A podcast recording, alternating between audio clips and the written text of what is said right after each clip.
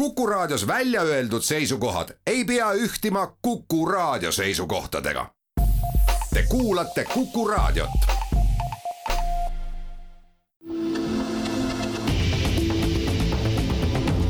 kahevahel.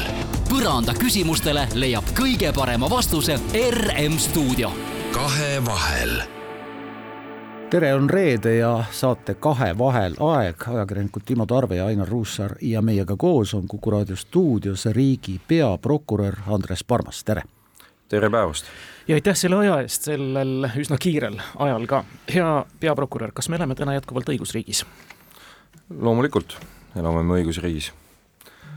et eh, seda näitavad minu arvates äh, Äh, nii äh, arvamusküsitlused, mis on Eestis läbi viidud, mille järgi Eesti inimesed Eesti institutsioone usaldavad, kui ka tegelikult äh, lihtne tõdemus, et Eestis on kolm riigivõimu haru, mis on üksteisest sõltumatud ja iseseisvalt ka tegutsevad.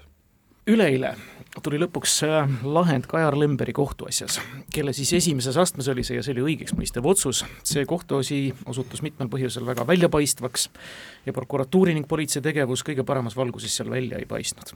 see kestis kuus aastat, miks oli vaja prokuratuuril selle kohtuasjaga nui neljaks lõpuni pingutada, nii nagu mulje jäi? esiteks ma ei nõustu, et prokuratuuri või uurimisasutuste tegevus selles asjas kuidagi nii-öelda negatiivne või, või halb välja paistaks Äh, ja mispärast äh, kestis äh, ja kestab see menetlus tänase seisuga ju selles mõttes veel edasi, et, et tegemist on esimese astme kohtulahendiga, mida on võimalik vaidlustada. selleks on erinevaid põhjusi. kohtumenetlus on eeskätt selles asjas väga pikalt kestnud ja, ja selle kohtumenetluse kestuse on ju pikaks viinud see, et, et seal vahetus kohtunik et seal on äh, selle tõttu tulnud äh, alustada asja arutamisega otsast peale, kuna see kestis pikka aega, äh, siis ühel hetkel prokuratuur ja, ja ka põhjusel, et, et Riigikohus oli vahepeal jõudnud muuta küllaltki põhimõtteliselt investeerimis- või ütleme, soodustuskelmusega seotud arusaamu, et, et siis see mõjutas meie süüdistust. Äh, ja, ja ütleme, selles kombinatsioonis ühel hetkel äh, osas sellest süüdistuses äh, pidasime võimalikuks teha üldse opor-, oportuniteeti. järgi jäigi küllaltki vähe, aga seda arutati siis otsast peale iseseisvas menetluses, mis paraku võttis ka meist sõltumatutel põhjustel rohkem aega, kui oleks oodanud. ja loomulikult ka Covid oli veel midagi, mis pani siia oma pitseri peaprokurör Parmas, äh, kuulge, kas üheksa euroni juukselõikus on altkäemaks? mis te nalja teete? Äh, see, millises summas äh, keegi on nõus või millise summa eest keegi on nõus enda teeneid müüma, sõltub sellest inimesest. altkäemaks võib olla ka rahaliselt väärtusetu. jaa, see võib olla teene. see võib olla teene ja teenete eest või siis mitte riigi poolt eh, või avaliku võimu poolt eh, makstava palga eest, vaid muudel põhjustel ametiisik otsuseid avaliku rahaga teha ei tohi. ja prokuratuuri süüdistus Kaer Lemberile ongi olnud see, et ta on selle juukselõikuse ja siis veel ka ütleme, lubatud aastase tasuta juukselõikuse eest teinud avaliku raha äh, kasutamiseks otsustusi. luba, luba Timo, ma jätkan, see teema erutab mind väga, mitte et ma tahaksin altkäemaksu küsida või keegi oleks mulle pakkunud, ma olen küll ise, ise andnud altkäemaksu Ukrainas mitmel korral, aga äh, kus seda piiri vedada? kui, äh, kui mina teile ametiisikuna kingin pastaka, kas see on altkäemaks? kui ametiisik võtab kellegi käest vastu kingituse ütleme, mingisuguses väikses vääringus ja tegemist ongi tõepoolest lihtsalt ähm, hea, hea tahte, vahet pole pastakas või mis muu iganes äh, objekt, hea tahte žestiga, mis ei ole seotud äh, ametiisiku poolse vastuteene või vastukohustusega, siis ongi tegemist kingitusega ja selle vastuvõtmine on lubatav. selles asjas äh, prokuratuuri äh, süüdistus Kaer Lemberile ei olnud mitte selles, et, et ta oli nõus vastu võtma üheksa eurose juukselõikuse vaid süüdistuse väide oli ja see on tegelikult ka jätkuvalt täna prokuratuuri väide, et selle lõikusega seotud oli vastuteene ja vot seda vastuteenet, just, just see kokkulepe on see, mis teeb mingisuguse nii-öelda meelehea vastuvõtmisest altkäemaksu. Ja see teine oli siis avaliku raha eest äh, trepi ehituse korraldamine ühele kortermajale, nagu ma olen õigesti välja lugenud, ma loodan, et ma olen õigesti välja lugenud, ühesõnaga kui me näiteks annaksime teile pastaka ja meil on kombeks muide ka šokolaadi Kuku raadio logoga kinkida, noh selle eest, et te meile saatesse tuleksite, siis oleks altkäemaks, aga selle eest, kui me teid täname, et te tulite, siis ei ole altkäemaks puust ja punaseks selgeks tehtuna? Äh, jah, et äh, põhimõtteliselt see on niiviisi, et, et kui äh, ma ei tea, näiteks Postimehel on ka tavaks olnud korraldada ta lõunasööke, kuhu inimesi kutsutakse mille eest ei oodata mitte mingisugust vastuteenet, vaid, vaid see on nii-öelda siis hüve, mida ka paljudele avaliku võimu kandjatele Postimees on pakkunud ja ei eelda ega küsi sellest mingit vastuteenet. sellise hüve võib vastu võtta äh,, isegi sellisel juhul, kui äh,, kui see nii-öelda ametiisik ei tule sellele üritusele konkreetselt äh, ütleme, selle oma ametiseisundiga ähm, seotuna. altkäemaks on ikka väga peenike värk, et, et sellest on raske aru saada, noh jah, ümbrikuga raha andmine kuulub ilmselt minevikku, aga võib-olla ei kuulu noh, teene teene vastu noh, on olevik, vähemalt me oleme Ida-Virumaal seda kohanud, äh, mitmeski paigas mujalgi Eestis, aga kas me saame kuidagi vedada ikkagi selle altkäemaksu piiri, et kust see, kust see altkäemaks siis läheb või mis asi on altkäemaks? Äh, teil on õigus selles, et äh, üldse korruptiivsed suhted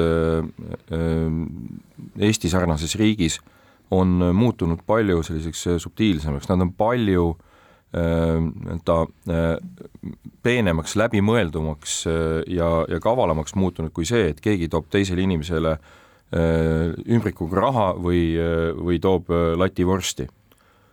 missuguseid altkäemakse nii-öelda traditsiooniliselt võib-olla inimesed endale ette kujutavad. vaid see käibki teene teene vastu ja, ja see tõepoolest teeb selliste asjade väljaselgitamise ja tõendamise ka oluliselt keerulisemaks Äh, ja mis on äh, selle asja uba äh, õiguskaitseasutuste seisukohast, ongi see, kui on võimalik ära tõendada, et mingisugune teene, mingisuguse nii-öelda hüve pakkumine, sellega nõustumine on seotud siis ametiülesandeid täites otsuse tegemisega. ja meil on tõesti selles osas äh, Äh, nii-öelda äh, päris keerulisi küsimusi üleval ka praegu käimasolevates kohtumenetlustes või kohtueelsetes uurimistes. ja ega teisiti ei olegi võimalik, me peamegi seda praktikat otsima ja me peame seda otsima ka kohtust ka selle hinnaga, kui kohus leiab, et et mingisuguses olukorras nüüd nad ikkagi ei näe siis seda nii-öelda ekvivalentsussuhet, ehk siis seda, et on olemas Äh, mingisuguse hüve äh, pakkumisega või sellega nõustumisega äh, seotud vastuteene ametiülesandeid täites kuulan teid ja mul kohe kangastub üks indikatiivne lugu praegu kohtusaalist ja see saab olema ilmselt ka mingit teed moodi rajav või, või praktikat kujundav, see on Vavrenjuki kohtuasi. vähemasti nii palju, kui on ajakirjanduse vahel lugeda olnud, et kust maalt need suhted nüüd jooksevad nii korruptiivsel tasemel või mitte. on see üks nendest asjadest? kahtlemata see on üks nendest asjadest, kus prokuratuuri esitatud süüdistus äh, Äh, suures osas ei puuduta jällegi sellist äh, konkreetset üleantud äh, ähm, no mingit hüve. mingisugust asja või, või raha, seal on ka selliseid momente sees no,. vaid, vaid kus siis nii-öelda altkäemaksuna on, on käsitletud inimesele siis nii-öelda tööpakkumist miks me sellele lihtsalt räägime? Nii palju, on see, et korruptiivne asi ja korruptiivne käitumine on selge juht riigi julgeolekule, neid korruptsiooniasju on kohtus veel praegu palju-palju üleval ja võib-olla me jõudumööda proovime neil ka peatuda. seda kindlasti jah, aga noh, tuleb tõdeda, härra Parmas, et ühtegi täiesti korruptsioonivaba riiki ei ole ju olemas ja ei saa kunagi ka olema. Äh, ma arvan, et, et on erakordselt naiivne loota, et, et, et olukorras, kus kellelgi on võimalik teha äh, avaliku rahaga otsustusi, et, et siis puuduks korruptiivne huvi, aga ma soovin siinkohal rõhutada ja välja tuua jälle seda, et eh, meil on Eestis korruptsiooniga, kuigi võib tunduda, et, et see on kogu aeg meil eetris, kogu aeg sellest räägitakse, et see on tohutult levinud või suur probleem, siis see on suur probleem selles mõttes, et, et hoida teda väikse probleemina ja sellega me oleme Eestis saanud hästi hakkama, jällegi rahvusvahelistes indeksites paistab täna silma see, et Eesti on oma korrumpeerumise ta-, tasemelt äh, väga heas seisus, äh, meid hinnatakse äh, põhimõtteliselt samasse seltskonda koos Skandinaavia riikidega, me oleme maailma viie vähim korrumpeerunud riigi seas. Ja see ei ole tulnud lihtsalt niisama. Äh, selle taga on äh, aastate ja aastakümnete pikkune töö, sealhulgas ka äh, valusad kaotused kohtus ja selle kaudu asjade selginemine me teeme siinkohal väikese pausi ja seejärel jätkame saadet kahe vahel riigi peaprokuröri Andres Parmasega. kahevahel. põranda küsimustele leiab kõige parema vastuse RM stuudio. kahevahel vestlussaade Kahe vahel jätkab. Timo Tarve, Ainar Ruussaar ja täna on meie vestluspartneriks meie vahel riigi peaprokurör Andres Parmas. härra Parmas, räägime korruptsioonist edasi, korruptsiooni äh, mõistetakse ja tajutakse erinevates riikides erinevalt, noh Itaalias tajutakse seda ilmselt teistmoodi ja Hispaanias kui meil siin Eestis, on ju nii? ma arvan, et selle väitega on väga keeruline äh, vaielda, kindlasti on see nii aga mis asi on üldse korruptsiooni tajumine, kuida-, kuida-, noh, mida see näitab, seda indeksit, rahvusvahelist indeksit ka mõõdetakse, Eesti on ka päris kõrgel kohal, et et kuidas seda korruptsiooni üldse on võimalik tajuda, see peaks olema ju võimalikult varjatud, selleks prokuratuur ongi, et ka neid juhtumeid uurida. Korruptsioon on äh, seda varjatum, äh, mida äh, ütleme siis, mida äh, negatiivsem on ühiskonna suhtumine sellesse ja mida tugevam on õiguskaitseasutuste töö on äh, riike, äh, no ma panin ennist tähele, et ütlesite, et te isegi olete puutunud äh, korruptiivsete suhetega kokku ja, olen, Ukrainas. ma olen korduvalt altkäemaksu pidanud andma.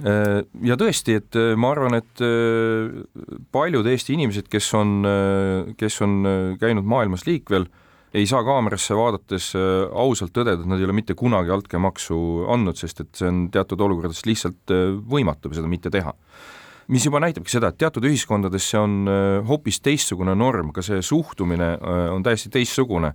loomulikult sa annad piirivalvurile altkäemaksu selleks, et äh, sa saaksid üle piiri, vastasel korral see ilma probleemideta ei ole võimalik. loomulikult sa annad altkäemaksu, et sa saaksid ütleme autoga kuskil liikvele, sest et vastasel korral tehakse su elu põrguks ja, ja nii edasi. ma olen see... miilitsa käest Usbekistanis oma passi pidanud tagasi ostma no täpselt, äh, Eestis ei ole täna selline olukord äh, äh, ja, ja muuhulgas seetõttu, et juba väga kaua aega tagasi on, ma arvan, et Eesti pole muidugi ainukene riik, kes on soovinud võtta otsustava hoiaku korruptsiooni väljajuurimiseks, aga meil on see õnnestunud. asjad ongi hakanud õiges suunas liikuma. Eestis ei ole täna enam seda reaalsust, mis võib-olla veel kakskümmend viis aastat tagasi, kus äh, samamoodi liikluspolitseile äh, sai altkäemaksu pakkuda, kus äh, ma ei tea, tehnoülevaatuselt sai autoga läbi, ilma et, et seda autot oleks tegelikult kontrollitud ja nii edasi. saades niisugustest nii-öelda olmetasandi probleemidest lahti, on muutunud ka inimeste hoiakud, nad tegelikult täna saavad aru, muuhulgas sellest, et äh, politsei mitte ei ole teeservas selleks, et äh, kasseerida endale enda jõulupreemiat, vaid ta tegeleb liiklusturvalisusega, ta tegeleb tegelikult sellega, et meil kõigil oleks siin riigis parem elada. ja ma arvan, et, et see taju ongi väga palju sellega seondud, seotud, et mida me oma riigilt ootame, meie ootame oma riigilt ausat, kvaliteetset ja objektiivset teenust.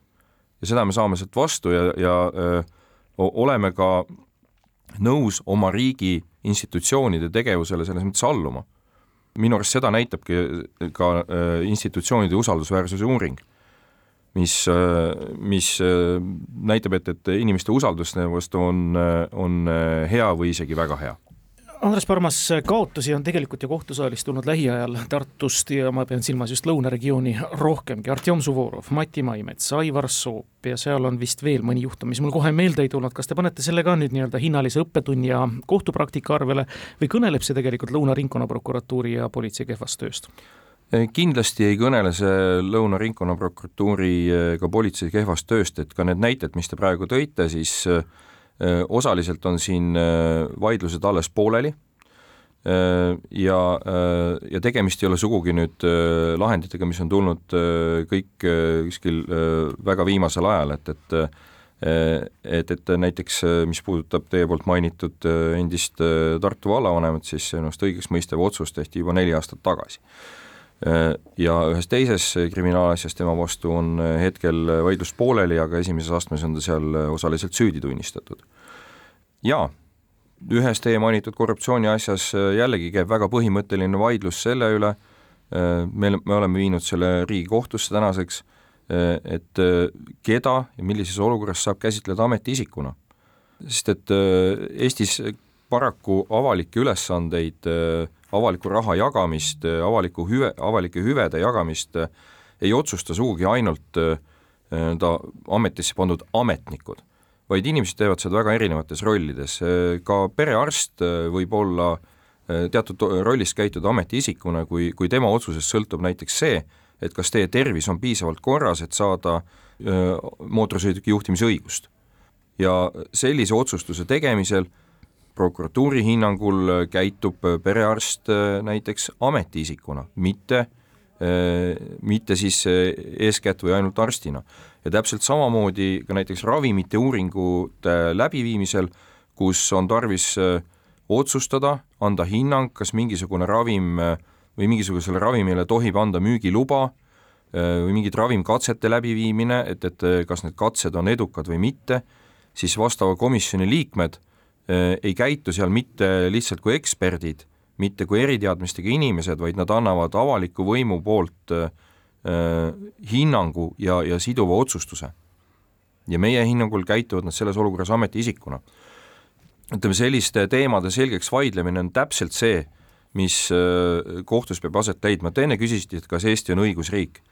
vot täpselt selles väljendubki see, et Eesti on õigusriik, et kui täitevvõim, mille hulka kuulub prokuratuur, äh, leiab midagi, näiteks et jaa, meil on tegemist ametiisikuga ja selle tõttu tema poolt hüve vastuvõtmine on on korruptiivne, siis öö, otsuse ja, ja lõpliku hinnangu sellele annab kohus, kes täitevvõimust sõltumatult ja eraldi kontrollib, kas meie lähenemine ja arusaam on õige. ja lõppude lõpuks me jõuame ringiga tagasi ka selleni, et, et lisaks täitevvõimule ja kohtuvõimule on meil olemas seadusandlik võim, et kui näiteks kohus teeb nüüd otsustuse, et ei, tegemist ei ole ametiisikuga, aga öö, probleem on, on suur, silmapaistev, siis on võimalik parlamendil korrigeerida kehtivat õigust ja asju teistmoodi sõnastada, et näiteks keegi, kes täna ei ole ametiisikuna käsitletav, edaspidi seda olema peaks. jällegi üks konkreetne näide võib-olla ka Tartu maakohtust hiljuti siis süüdimõistva otsusega lõppenud endiste või siis vahefinišisse jõudnud endiste Otepää Äh, vallajuhtide kriminaalasjas, kus äh, vallajuhid mõisteti küll äh, omastamises süüdi, aga paradoksaalsel kombel vara, vallavara, mille nad olid kolmandate isikute kasuks omastanud, selle suhtes kohus leidis, et seadusest ei tulene alust, et omavalitsusjuhid peaksid valda kahjustavate otsuste tegemise eest moraalselt vastutama. Mis meie tagasihoidliku hinnangu järgi küll on teisiti, aga kui see isegi on nii, siis see on ju, see on ju karjuv probleem. Ja see nõuab seda, et parlament võtaks selles suhtes seisukoha ja ilmselt muudaks siis õigusreegleid. Hea, et te parlamendile viitasite, noh, see oli aastaid tagasi, kui kunagine parlamendiliige Uno Mereste andis menetlusse seadustest arusaadavuse seaduse eelnõu, mulle see kohutavalt meeldis. Hiljuti lugesin ühte seaduseelnõu, kus lause koosnes kuueteistkümnest sõnast. kuulge, kas seadused on liiga keerulised, ma ei taha küsida seda, et me kõik ei pea kõiki seadusi teadma, isegi põhiseadust ei pea pähe, pähe õppima. Aga no põhi, põhimõtted peaksid olema selged. kas meie seadusandlus on keeruline? Äh, lühike vastus on jah Äh, ja küsimus ei ole mitte ainult selles, et äh, õigusnormid ise oleksid keerulised, mida nad ka sageli on, ähm, ja, ja noh, minul õigusvaldkonnas tegutseva inimesena, sugugi mitte ainsana, on juba ammu kujunenud veendumus, et, et ka meie nii-öelda õiguskeele kvaliteet on, on, on kahjuks küllaltki madal. siin on kaks probleemi, mis on omavahel seotud üks neist on äh, Eesti enda sisene äh, palavikuline õigusloome äh, ja, ja tohutu selline usk sellesse, et, et nii-öelda pidev mingisuguste pisiasjade muutmine normi tekstis teeb midagi paremaks või selgemaks, ei tee. enamasti tekitab see ainult probleeme juurde. ma võiksin teile tuua mitmeid konkreetseid näiteid, aga üks mulle niisugune eriti südamelähedane puudutab äh, Äh, puudutab siis äh, seksuaalse äh, enesemääramise vastaste rünnete kriminaliseerimist, maakeeli siis vägistamine ja muud seksuaalründed. Selles osas, kui karistusseadustik lahti lüüa ja vaadata, on toimunud alates seadustiku vastuvõtmisest mitmed muudatused, mis paraku ei ole mitte midagi teinud selgemaks, iga kord, kui on tehtud muudatus, on selgunud, et on loodud uus probleem. Ja ütleme siis sellest esimesest muudatusest alates on tegelikult jäänud käsitlemata ainukene käsitlemist vajanud oluline küsimus, mida tähendab Eesti seadusandja mõtles või Eesti õigusruumis, mida tähendab suguühe jah, selle lõpetuseks tahaks tõdeda, no see on küll juristide omavaheline nali, et millal muutub nüüd karistusseadustikus see sõnastus, mis räägib, et teise inimese tapmine on kriminaalkorras karistatav, et võiks olla ju niimoodi siis, et esimese inimese oma, esimese inimese tapmine on nagu lubatud. ja, ja ma mäletan varastest üheksakümnendatest ühte seaduseelnõu, mis tuli kohe ära parandada, sest seal loetleti üles sõidukid, mida ei tohi juhtida purjus päi ja tramm oli ununenud.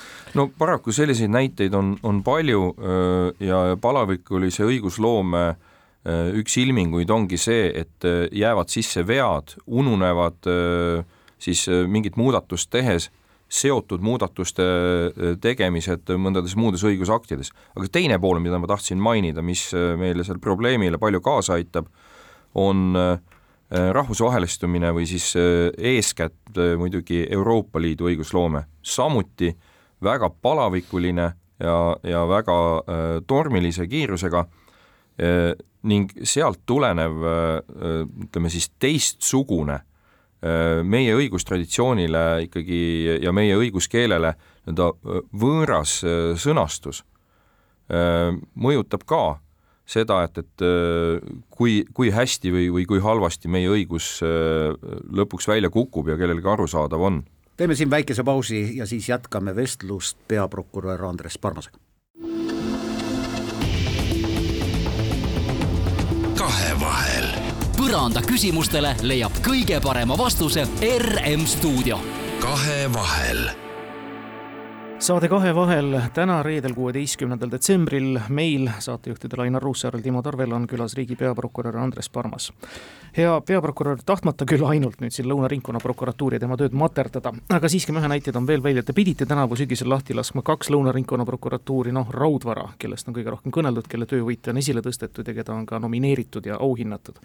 elukaaslastest prokurörid Siinma ja Hänilane, meenutage, miks kahjuks tõesti selline otsus äh, tuli teha, ähm, seotud on see äh, sellega, et, et äh, mõlemad need prokurörid kaotasid minu silmis usalduse.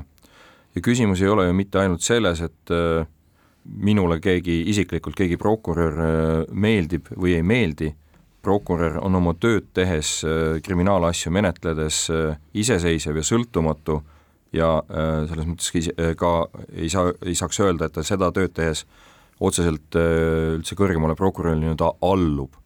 vaid probleemi olemuseks oli siin see, et ühes siis mitte enda menetletavas asjas, ühes väärteoasjas mõlemad need prokurörid minu hinnangul astusid samme takistamaks tõe väljaselgitamist.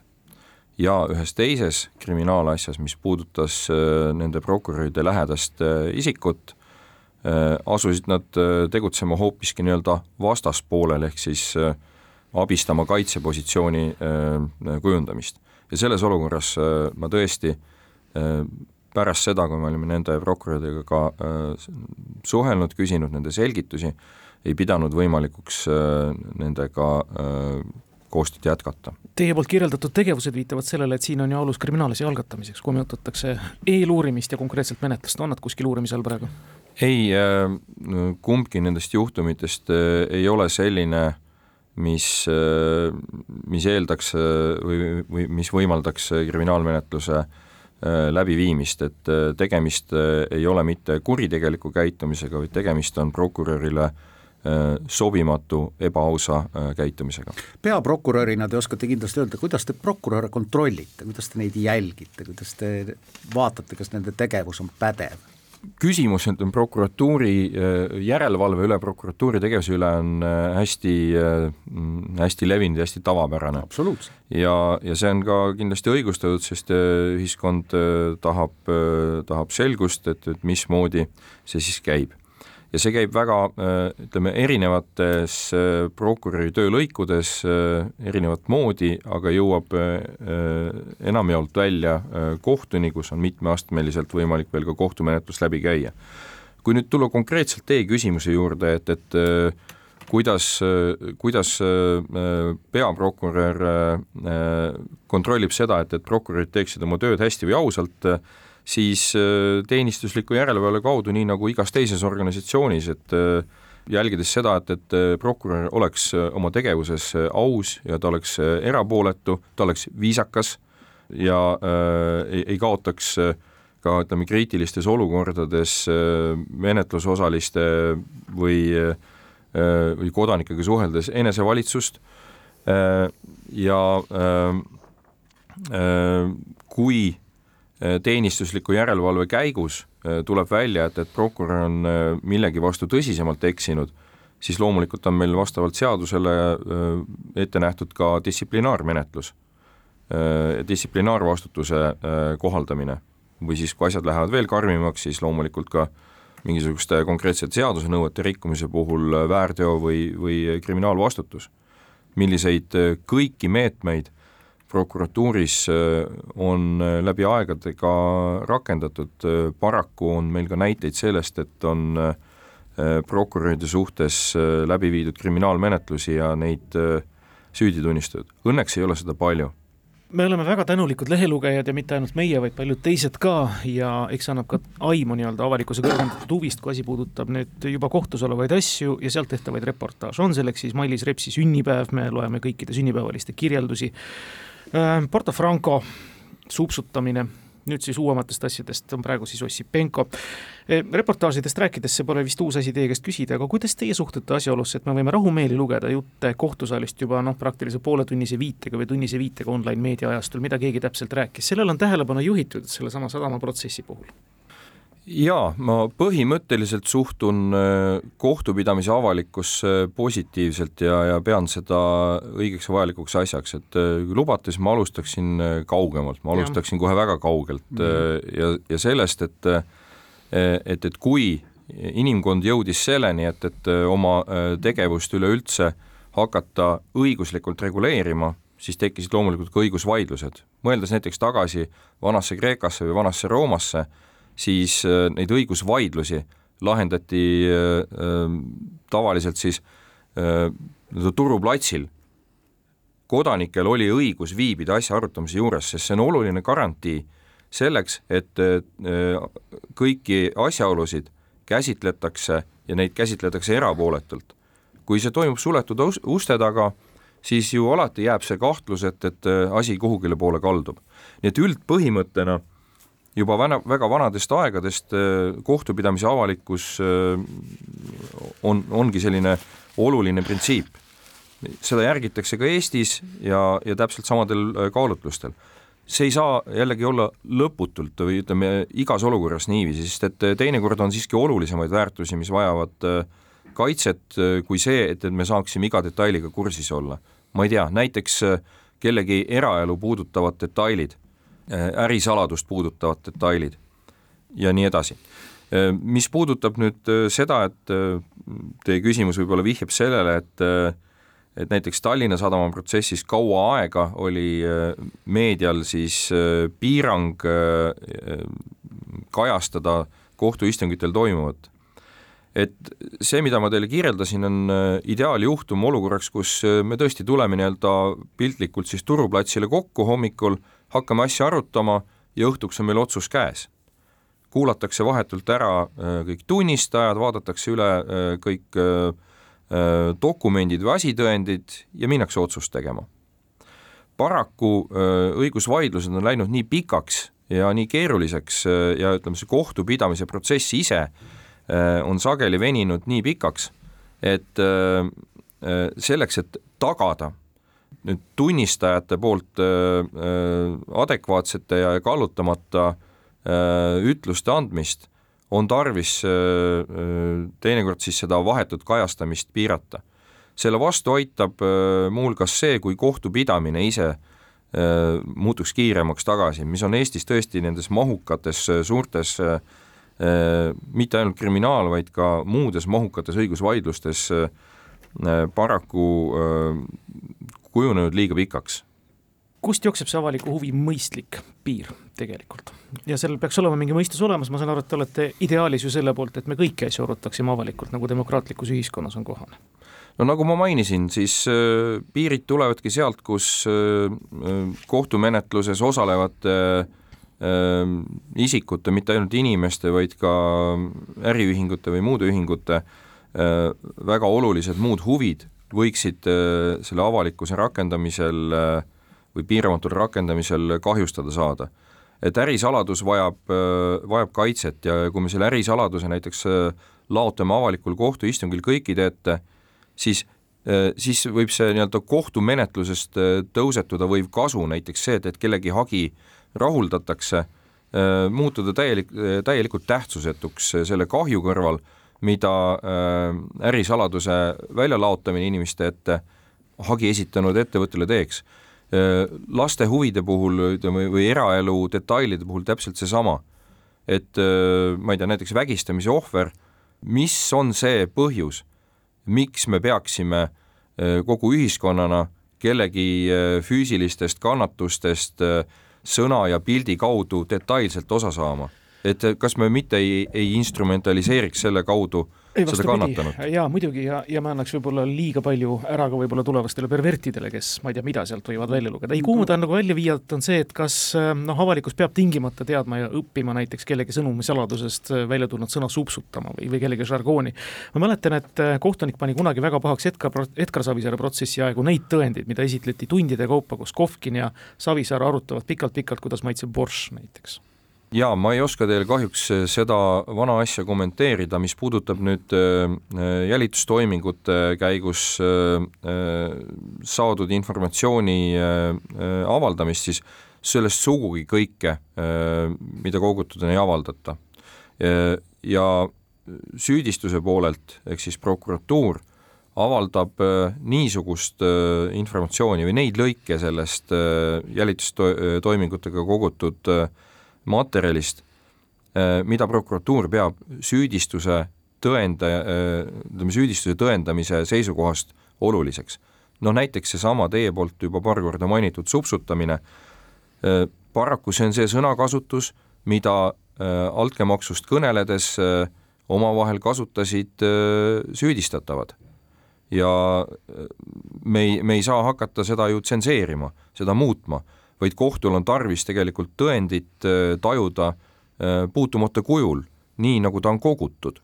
vastasel korral äh, ei ole see ju enam usaldusväärne ega anna vahetut informatsiooni selle kohta, mis siis tegelikult toimus me läheme siinkohal jällegi väikesele pausile ja siis jätkame saates Kahe vahel.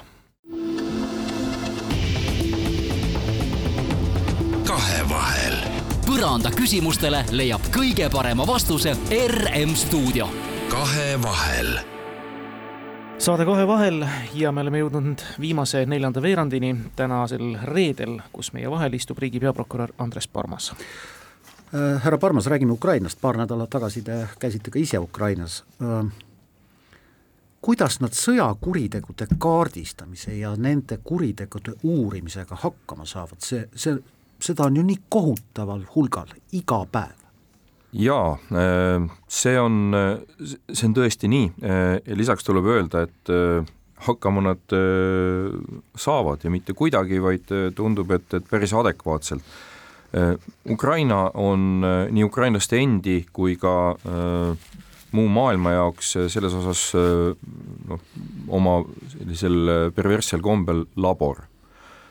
Niisuguses määras, nii mitmetahuliselt ja, ja nii nagu erinevate pluss veel käimasoleva konflikti ajal tõendite kogumisega polegi varem äh, ma arvan, kokku puututud ja arvestades veel seda, et tänapäeval seda materjali tuleb ju online, siis äh, kogu see digitaalne info tuleb neil süstematiseerida äh, ja, ja kasutatavaks teha. Et, et selles mõttes äh, on meil siit võtta õppetunde ja, ja, ja palju ka Ukrainaga koostööd teha, et aru saada, et kuidas nad üldse oma materjale süstematiseerivad, kuidas nad neid talletavad ja, ja suudavad sealt äh, olulise siis välja võtta. et Ukrainas käib täna juba mitmeid kümneid tuhandeid äh, kriminaalmenetlusi, muidugi see ei tähenda seda, et nad kõikide nende mitmekümne tuhandega aktiivselt igapäevaselt nüüd tegelevad, vaid need äh, paljuski on talletatud, et juhtus selline või teistsugune kuritegu, meil on mingisugune informatsioon, mingi materjal selle kohta ja nüüd, kui midagi koguneb juurde, saab seda sinna juurde panna Äh, ja vajadusel siis äh, edasi uurima hakata. Andres Barbas, tehke mulle rumalale inimesele selgeks, kuidas see sõjakuritegu äh, kuidas sõjakuritegu üldse uurida saab, noh, polkovnik Vassin saab kõrgemalt poolt käsu pommitada Borodjanka linna Ukrainas. polkovnik Vassin annab selle korralduse edasi talle alluvale üksusele, leitnant Tajurski laseb raketid ja droonid valmis seada. tema alluv, seersant Sidorov, vajutab nupule, puruneb mitukümmend maja, surma saab mitukümmend Ukraina inimest kes neist on sõjakurjategija? Nemad kõik. kõik? Ja lisaks veel ka see, kes polkovnik Vassinile sellise käsu andis. Sergei Sidorov või seersant Sidorov ka, kes nupule vajutas? jaa, ka seersant Sidorov, kui ta teadis, mida ta teeb, siis kahtlemata, et, et tänapäevase moodsa sõjapidamise eripäraks on muidugi ka see, et, et ongi just nimelt pikad käsuahelad ja inimestel on väga erinev äh, informatsioon, erinev võime äh, hinnata enda tegevuse tulemust. et kui äh, ütleme siis äh, keegi reamees saab korralduse, et, et liigu sinna ja, ja siis hakkavad selles suunas tulistama, ähm, siis temal võib olla tegelikult võimatu hinnata, et, et mis täpselt toimub. temal võib olla võimatu hinnata seda, et, et on mindud teisele riigile agressorina kallale küll aga mida tema saab hinnata, on see, et, et kui ta näeb, et tema vastas seisab äh, ilma relvadeta äh, naine või laps, et siis tegemist ei saa olla isegi ütleme, sõduri seisukohast äh, õiguspärase sõjapidamisega. nii et olenevalt sellest, missugune informatsioon kellelgi, mis tasandil seal olemas on, mida ta näeb ja tajub, saab talle ka etteheiteid teha. Teie poolt toodud näide, kus polkovnik Vassin ei tegutse ju ise, vaid tema, ka tema saab kuskilt korralduse ja kuni selle korralduse nii-öelda tipuni välja need juhid kannavad vastutust toime pandud ütleme, tsiviilobjektide sihiliku ründamise eest. ja polkovnik Vassin saab suurepäraselt aru, kui ta annab korralduse selleks, et Borodjankas pommitada elumaju. samamoodi saab sellest aru tema alluv, kes selle operatsiooni siis nii-öelda reaalselt ette valmistab ja sihtmärgid konkreetselt määratleb samamoodi saab sellest aru lennukipiloot, kes lendab äh, madalalt üle elumajade ja loobib nende peale pomme. nii et, et äh, selles ahelas äh, igaüks omal tasemel vastutab. võib olla ka selline olukord ja seda tuleb sõjapidamises ka sageli ette, et ülem ei anna ise konkreetselt käsku kuritegu toime panna, vaid ta lihtsalt ei tee sellest välja kas ta ei tee välja toime pandud kuritegudest, annab need sisuliselt inimestele ta andeks või blankoveksli või ta ei tunne, ütleme siis niiviisi, et piltlikult öeldes hoiabki ennast pimeduses selles, hommikul saadab mehed välja, teades seda, et, et nad ei lähe, eks ole, mitte ainult vaenlast tagasi suruma, vaid selle käigus nad ka vägistavad, tapavad tsiviilelanikke ja röövivad, aga ta ei soovigi sellest midagi teada. vot sellepärast on äh, lisaks äh, sõjapidamise juures veel ka selline eraldi vastutuse alus nagu ülema vastutus, mis tähendab just nimelt seda, et ta ei ole andnud käske ega korraldusi kuritegevust toime panna, vaid ta ei ole käitunud äh, nõuetekohase ülemana, hoidnud ära selliseid asju või tegelenud selliste asjade tagajärgedega Andres, te olete selle valdkonnaga palju seotud olnud, ehk siis rahvusvaheline kriminaalõigus. rääkige, kas need instrumendid ja hoovad pärast Nürnbergi on olemas, mis annaks võimalikult kiiresti püsti panna üks selline kohus, kuhu viia kõik need viiskümmend viis tuhat kuritegu sooritanut või siis kõik selle käsuahela otsas olev inimene, kelleks on Vladimir Putin või Sergei Šoigu? Kõiki neid kümneid tuhandeid kriminaalasju ei ole kuhugile vaja viia, see institutsioon on olemas, see on Ukraina riik. Ja esmane õigus, esmane kohustus nende asjadega tegeleda ongi Ukraina riigil, kui nende enda võimekusest jääb puudu, siis tulebki eeskätt toetada Ukraina õigussüsteemi, et nad saaksid neid menetlusi läbi viia. rahvusvahelised institutsioonid õiguse mõistmiseks on osaliselt olemas ja osaliselt tasub tõesti kaaluda, et, et teha midagi juurde. meil on olemas täna alaline rahvusvaheline kriminaalkohus, mis asub Haagis mille nii-öelda liikmesriigiks ei Venemaa ega Ukraina küll ei ole, aga Ukraina on teinud ühepoolse, äh, isegi kaks ühepoolset avaldust, kus ta tunnistab selle või tunnustab selle kohtu pädevust Ukrainas toime pandud äh, raskeid kuritegusid äh, uurida. ja selle kohtu koht või see kohus on see koht, kus tuleks neid kõrgemaid ülemaid, nii kõrgemaid sõjaväelisi ülemaid kui ka riigi poliitilist või, või majanduslikku või kultuurieliiti, kes äh, seda sõjapidamist äh, on mahitanud, äh, käskinud või talunud, avalikult õigustanud, kus nende üle tuleks kohut mõista. kas see kunagi on reaalselt võimalik, kas kunagi reaalselt keegi sinna suudetakse kohtu alla viia, on omaette küsimus. on, ma arvan, täna põhjust olla lootusrikas, et neid süüdistatavaid sinna jõuab nojah, meil on ju tegelikult äh, positiivseid näiteid ka äh, sõjakuritegijaatest, kes on tõepoolest reaalselt vangi pandud, ma pean silmas siis Balkani sõdu üheksakümnenda esimesel poolel, Bosnia sõjakuritegijaid, Horvaatia kurjategijaid, kes istuvad, mõned neist isegi Eestis.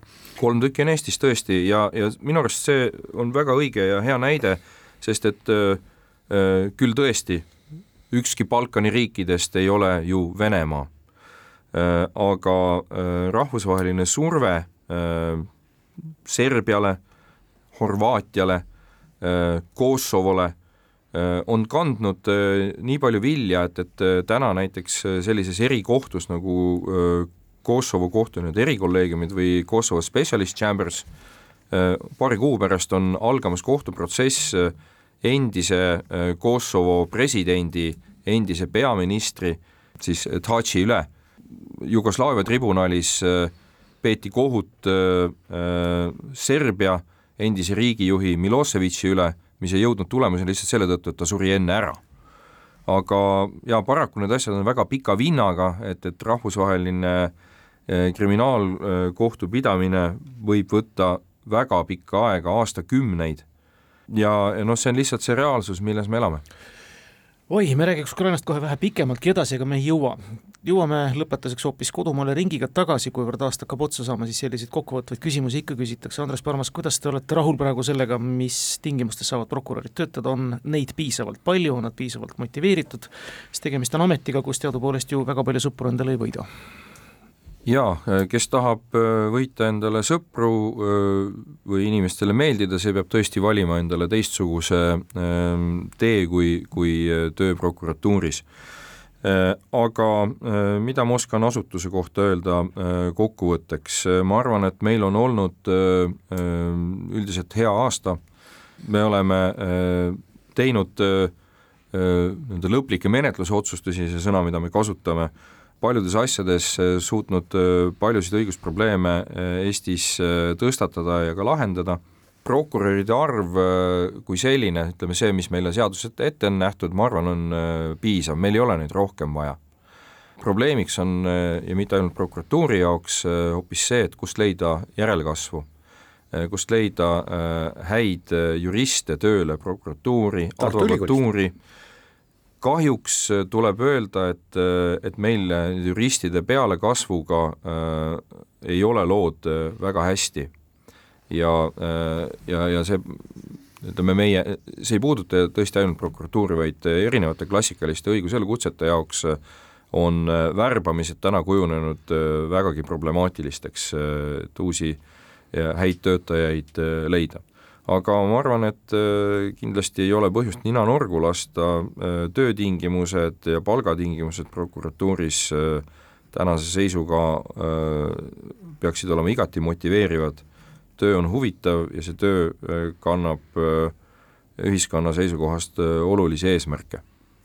Suur tänu, et selle aja leidsite, riigi peaprokurör Andres Parmas Kuku raadio kahe vahel saatesse tulla, soovime teile edu, jõudu, ilusat eesseisvat jõuluaega ja aasta lõppu! Tänan kutsumast ja kõike paremat! kahevahel. põranda küsimustele leiab kõige parema vastuse RM stuudio. kahevahel